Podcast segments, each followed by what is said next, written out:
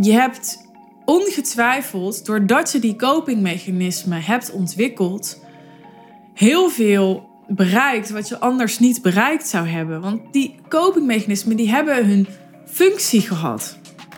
En je was waarschijnlijk veel eerder omgevallen of je was waarschijnlijk helemaal niet tot dit punt in je leven gekomen als je niet in staat was geweest om die overlevingsmechanismen te ontwikkelen.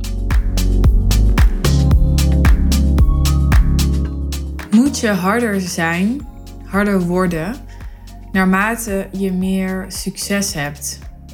Ik uh, las een post over uh, ego. En uh, daarin stond de zin: een ander aspect van ego. Het zorgt ervoor dat je hardheid krijgt als je juist heel succesvol bent. En daarachteraan stond: die hardheid gaat je succes fundamenteel belemmeren. Ik vond dit wel een interessant thema. In hoeverre vraagt succes, vraagt uh, meer verantwoordelijkheid, vraagt, ja, wat zijn andere woorden die van toepassing zijn? Leiderschap misschien wel. Ik wil bewust niet woorden gebruiken zoals macht en status en zo, want dat, dat voelt voor mij heel erg negatief. Maar in, in hoeverre vraagt succes, eh, leiderschap, verantwoordelijkheid om een bepaalde hardheid? En als hardheid dan juist hetgeen is wat je succes belemmert, wat is er dan wel nodig? Nou, ik denk dat dit een heel belangrijk vraagstuk is als je meer succes ervaart. Want het is nogal wat succes. Het is niet voor niks dat veel mensen er bang voor zijn. Dat is helemaal niet raar. Want uh, hoewel de problemen die gekoppeld zijn aan succes echt wel luxe problemen genoemd mogen worden, ja, moet ik gelijk ook denken aan de, de Club van 27. Aan uh, ook hoe ja, hele uh, succesvolle popsterren en uh, wereldberoemde celebrities, hoe die ja, juist het zo enorm zwaar kunnen hebben. Je zou kunnen zeggen, uh, succes is overrated. Je zou kunnen zeggen, ja, succes wordt geromantiseerd, maar het is eigenlijk uh, helemaal niet leuk in het echi. Nou, ik denk dat het zo zwart-wit niet is. Ik denk dat, zoals iemand laatst schreef, een klant van mij laatst schreef, ja, huilen in een uh, Tesla is toch leuker dan uh, huilen in een, uh, nou, wat was het? een of andere afgerachte bak of zo. Of voor mij wordt het een doos. Maar ik denk dat, ja, dat succes en alles wat daarbij komt kijken, geld, roem, aanzien, dat dat dat het vooral heel erg uitvergroot. Zoals ik vaak ook zeg of heb gezegd, dat geld uitvergroot. Het maakt sommige dingen heel veel comfortabeler. En het maakt andere dingen heel veel oncomfortabeler. En dat is gewoon belangrijk om eerlijk over te zijn. En ja, ook om de juiste verwachtingen over te hebben. Want op het moment dat je te veel verwacht van succes, dan gaat het vooral heel uh, teleurstellend voor je zijn als je het eenmaal ervaart. Verwachtingen vragen natuurlijk sowieso om teleurstelling, maar zeker ja, de verwachtingen over succes. Want het is echt waar, succes en geluk zijn twee heel verschillende dingen. Die staan echt los van elkaar. En uh, succes hoeft absoluut niet geluk in de weg te staan. Maar het gaat ook zeker niet per definitie voor geluk zorgen. Het zijn wat mij betreft gewoon twee gescheiden concepten. En uh, die vragen allebei hun eigen reis. Maar even over die hardheid. Als het dan inderdaad zo is dat hardheid je succes fundamenteel gaat of kan belemmeren, hoe komt het dan toch dat hardheid in verband wordt gebracht met succes? Dat het misschien veel wordt gezien of mee geassocieerd wordt. Dat het misschien veel wordt gezien bij succes of geassocieerd wordt met succes. Nou, wat ik uh, veel zie gebeuren is dat op het moment dat mensen succesvol zijn, uh, denk maar even aan alle bekende mensen die de afgelopen tijd uh, zijn gecanceld, dus aanhalingstekens. Als je kijkt hoe er over mensen wordt gepraat, en het zijn niet alleen mensen die worden gecanceld, maar uh, open maar eens Facebook en kijk maar eens, ja, als er een artikel wordt geschreven over iemand die bekend is of rijk is of ja, succes heeft of, of iets bereikt heeft. natuurlijk, als het gaat over een jonge ondernemer die maatschappelijk verantwoord onderneemt en die, hè, als, het, als er een succesverhaal staat, natuurlijk wordt dan over het algemeen onder zo'n soort artikel iemand vooral aangemoedigd. Maar ja, neem bijvoorbeeld. Um, nou, artikelen die gaan over de rechtszaak van, tussen Leeuw Kleine en uh, Jamie, zo heet het toch? Dat zijn uh, twee mensen die je allebei succesvol zou kunnen noemen. Dat is natuurlijk altijd een kwestie van wat definieer je als succesvol. Maar in de klassieke definitie wordt het dan succesvol genoemd, als in ze zijn allebei bekend. Ze hebben allebei veel volgers. Daar wordt zo enorm hard over geoordeeld. Dus eh, dat soort mensen worden zo enorm aangevallen. En ik neem dit niet op om uh, schijnheilig te zijn hoor. Alsof ik nooit wat vind van mensen. Of ik vind het soms super moeilijk om niet over mensen te oordelen. Ik ben vanochtend in het ziekenhuis geweest. En ik zie op een of andere manier altijd. Als ik in het ziekenhuis ben, lijkt het wel extra veel rokende mensen. En dan denk ik altijd. Ja, je schaamt je toch eigenlijk kapot als je voor een ziekenhuis staat te roken ja, daar, ik vind daar dan ook iets van. Ik wil het niet vinden, maar ik vind het wel. En ja, dan kan je het wel niet willen, maar ja, dat heeft niet zo heel veel zin. Dan wil je het vooral niet omdat je niet iemand wil zijn die oordeelt. Maar dat is allemaal, ja, allemaal natuurlijk helemaal niet, eh, niet eerlijk en niet zuiver. Ik kan maar beter gewoon accepteren dat ik dat oordeel heb en dan verder er niet zoveel mee doen. Maar ik vind het toch belangrijk om even die disclaimer te plaatsen. Want ik zit hier natuurlijk te vertellen, ja, alsof ik alles allemaal heel goed weet. Maar ik zit hier vooral ook echt het leven en het, met name het ondernemerschap, te beschouwen vanuit mijn point of view. En ik zie dus dat wanneer mensen succes hebben, dat een van de dingen die opkomt, is dat ze veel meer worden aangevallen. En ik realiseer me dat een aanval altijd een interpretatie is. Wij mensen voelen ons aangevallen. Ik denk echt dat het mogelijk is.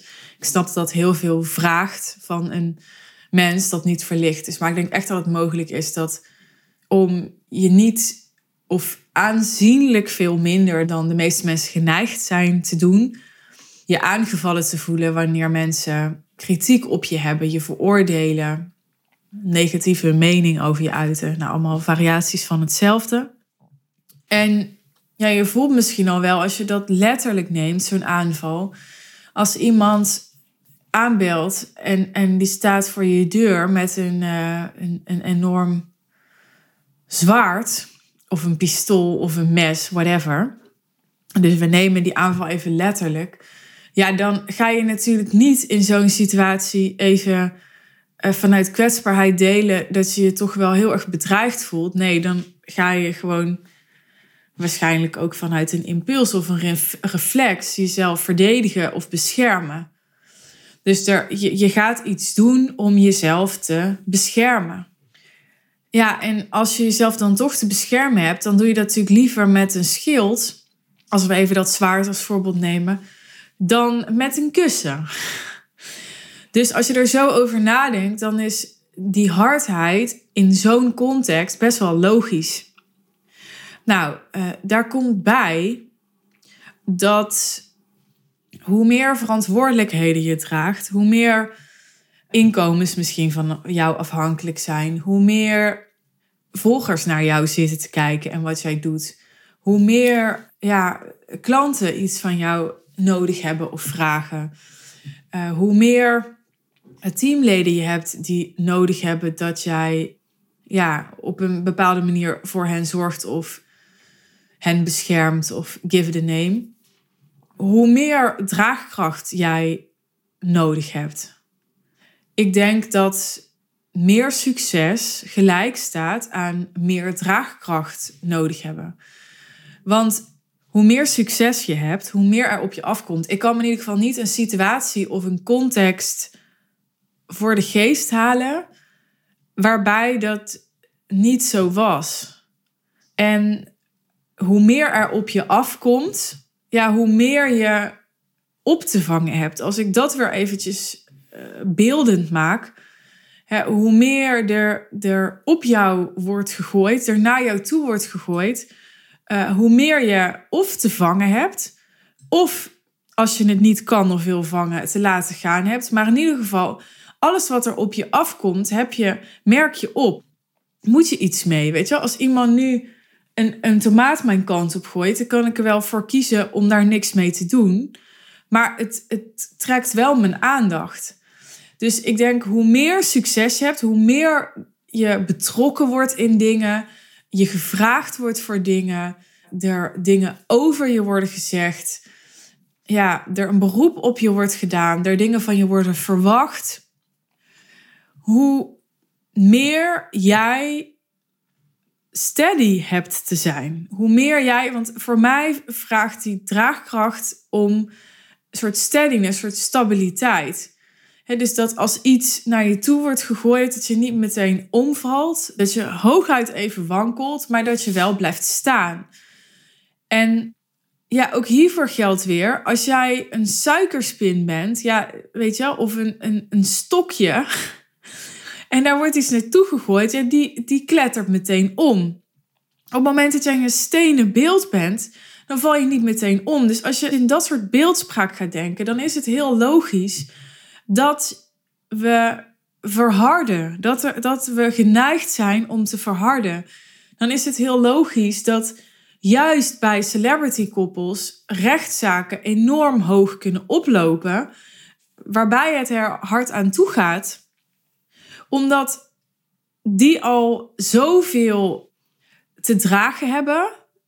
En al zo, ja, bij hen wordt er al zo'n beroep gedaan op, ja, op hun uh, stabiliteit, op hun um, veerkracht.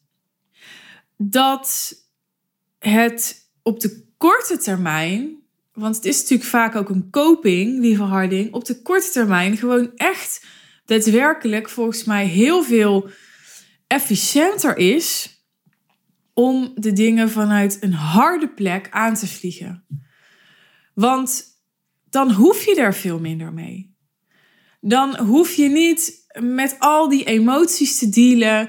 Dan hoef je niet, hè, in het geval je bent omgevallen, op te krabbelen. Nee, dan blijf je gewoon staan. En je, je, weet je, als je een stenen beeld bent en er wordt een tomaat naar je gegooid. Nou, waarschijnlijk heb je niet eens een schrammetje, want je bent van steen. Dus het is heel functioneel, die verharding. En ik vind dat daar best wel respect voor mag zijn, voor de functie van copingmechanismen. Want die zijn gewoon ja, enorm belangrijk. Ik bedoel, het is niet voor niks dat we massaal al die copingmechanismen ontwikkelen. En het lijkt tegenwoordig wel in de wereld van persoonlijke ontwikkeling. Wordt zo enorm op afgegeven van ja, hè, je mag niet meer surviven, maar je moet thriven. En ja, je mag niet overleven, je moet leven. En bijna alsof je een soort failure bent als je overlevingsstrategieën toepast, want dan heb je het leven niet echt begrepen. Terwijl ik denk, je hebt ongetwijfeld, doordat je die copingmechanismen hebt ontwikkeld, heel veel bereikt wat je anders niet bereikt zou hebben. Want die copingmechanismen die hebben hun functie gehad. En je was waarschijnlijk veel eerder omgevallen of je was waarschijnlijk helemaal niet tot dit punt in je leven gekomen als je niet in staat was geweest om die overlevingsmechanismen te ontwikkelen. En ze hebben een andere kant. Er is geen licht zonder donker. Er is geen wit zonder zwart. Dus waar ze 50% heel functioneel zijn, zijn ze ook 50% heel dysfunctioneel. Dat is gewoon een soort natuurwet. Dit is niet per se mijn expertise. Maar dit is wel wat ik geleerd heb over verdedigingsmechanismen, overlevingsmechanismen en schaduwkanten. Die zijn er altijd.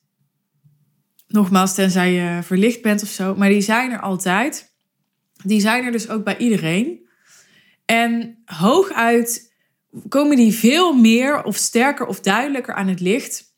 Wanneer iemand meer succesvol is, omdat dus succes en geld en prestaties en roem enorm uitvergroot. En soms gewoon heel praktisch, omdat iemand eh, veel meer uh, ja, in de gaten wordt gehouden als celebrity. Hè? Om, omdat hij gewoon uh, de hele dag wordt gefotografeerd. dus dit is bijna letterlijk uitvergroten, inzoomen. Maar ook omdat er wordt iets van je gevraagd wat in nou, normale, dus aanhalingstekens menselijke interactie, eigenlijk helemaal, hebben mensen daar helemaal niet mee te dealen. Als in, als een gewoon, weet je wel, Henk in een rijtjeshuis eh, de halve dag op de bank ligt, dan zegt hooguit zijn vrouw misschien een keer van, joh, uh, kom eens van die bank af. Hè? Misschien moet je eens even een stofzuiger pakken of zo. Ik verzin me even iets.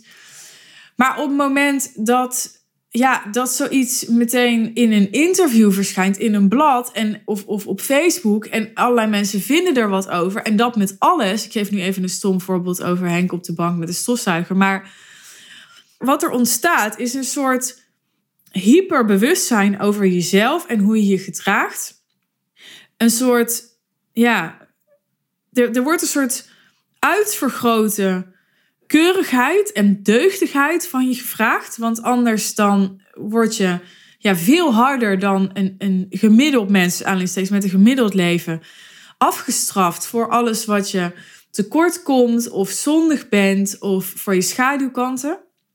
En ik denk dat die extreme focus op het juist willen dragen, goed willen doen, ja, integer willen zijn, zuiver willen zijn, uh, dat dat juist een soort skippiebal wordt, onder water geduwd.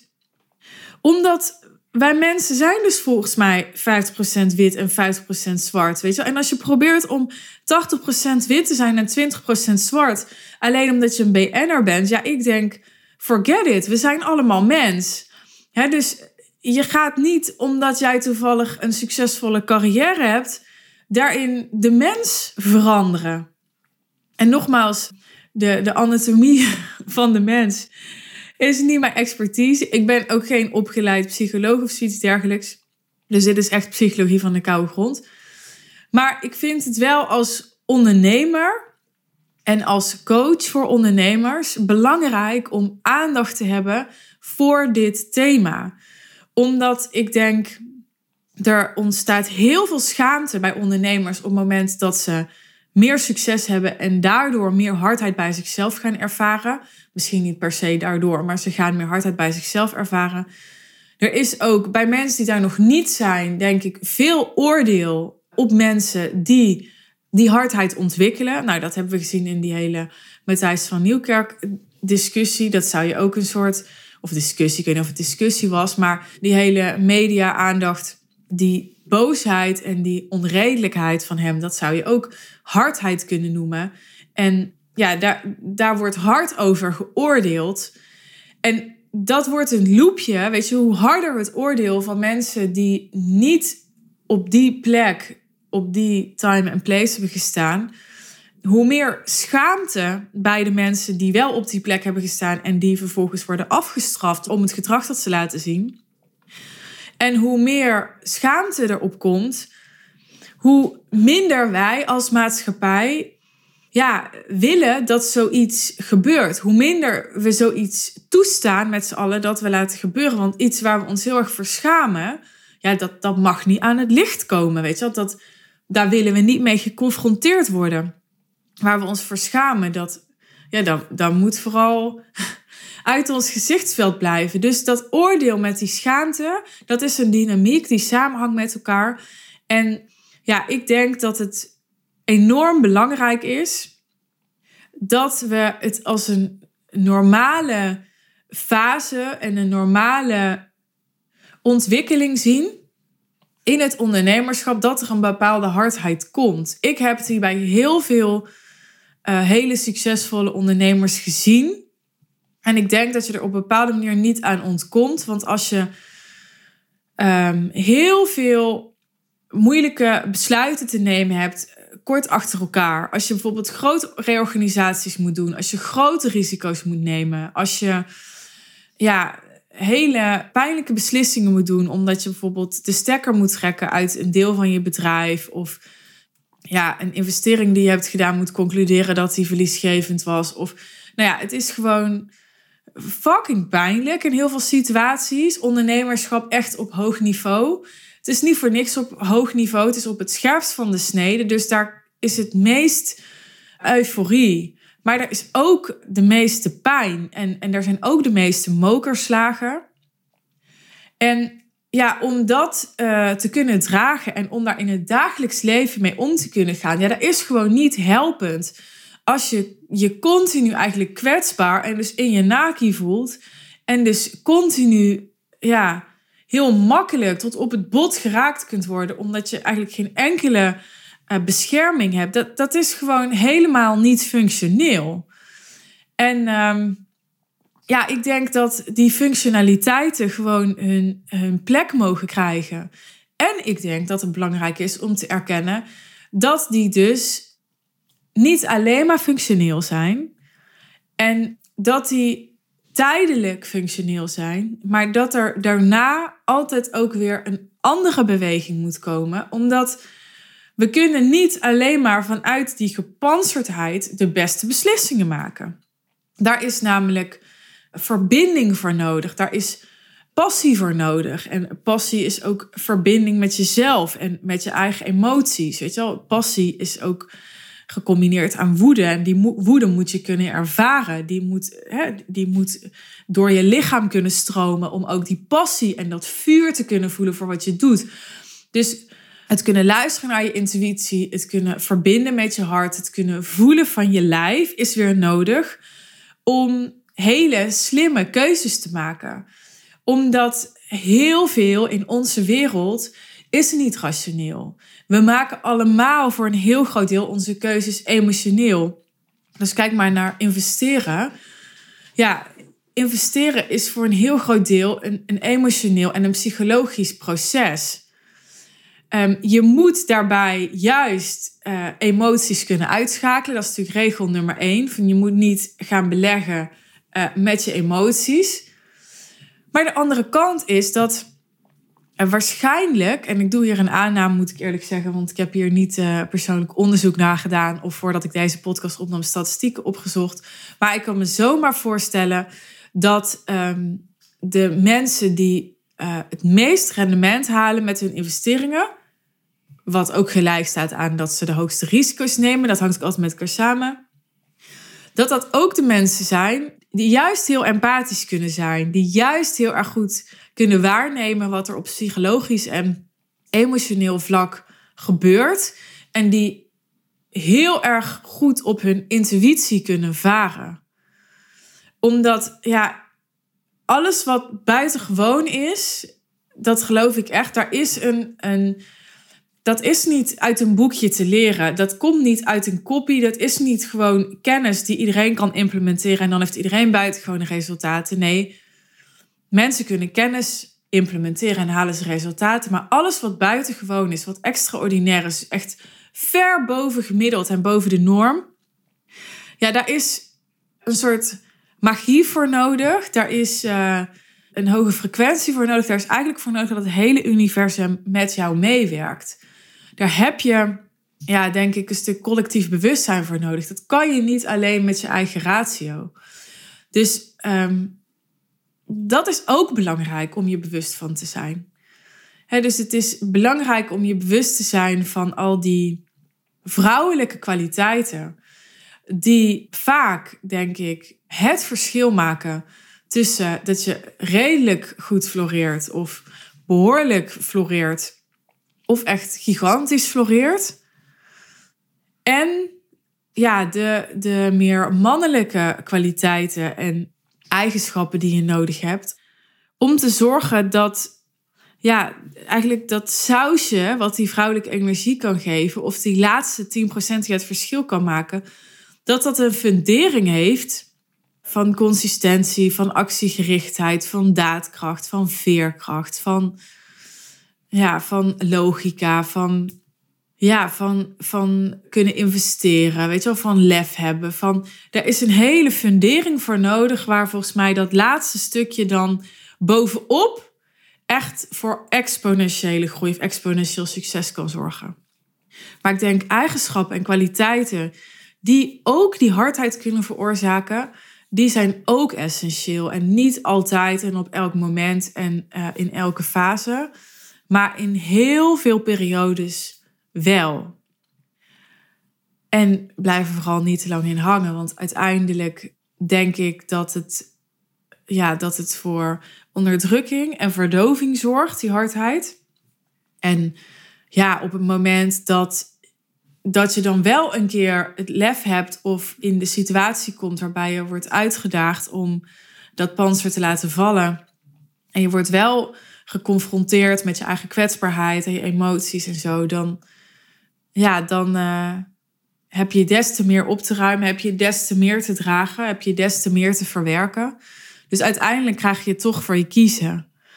Ja, wees daar, uh, wees daar bewust van. Dat, dat is denk ik belangrijk.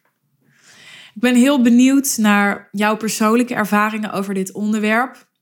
Of jij uh, verharding hebt gemerkt bij jezelf, of jij verharding hebt gemerkt bij hele succesvolle ondernemers.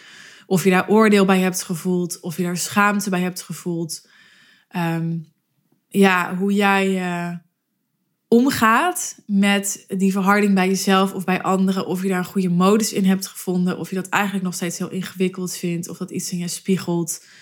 Wat je daarvan leert.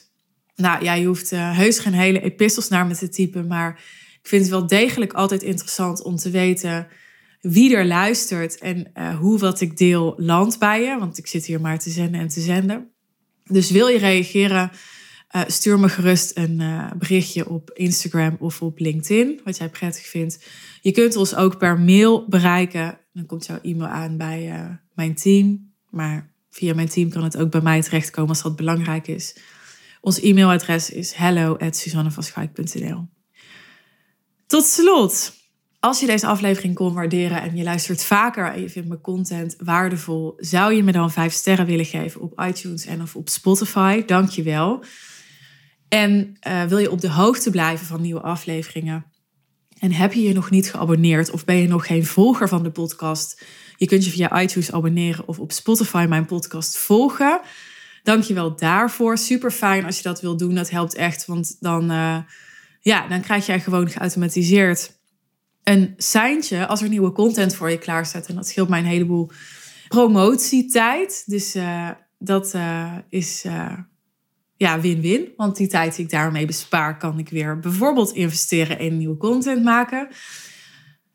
Ik vind het ook ontzettend fijn als jij een aflevering luistert, bijvoorbeeld deze, misschien is het een andere, die echt iets met je heeft gedaan en waarvan je denkt, die voegt echt iets voor mij toe in uh, de grote contentwereld. Als je deze aflevering wilt delen in jouw netwerk, op eh, LinkedIn of op Instagram of waar je dan ook maar het meest actief bent. Want op die manier kan ik ook nieuwe luisteraars bereiken met deze podcast. En meer mensen helpen en meer impact maken met uh, de tijd en de energie en het geld en alles wat we in deze content investeren. Dus dankjewel daarvoor. Ik wens je verder een hele mooie dag, avond of misschien nacht. En graag tot de volgende aflevering. Bye bye.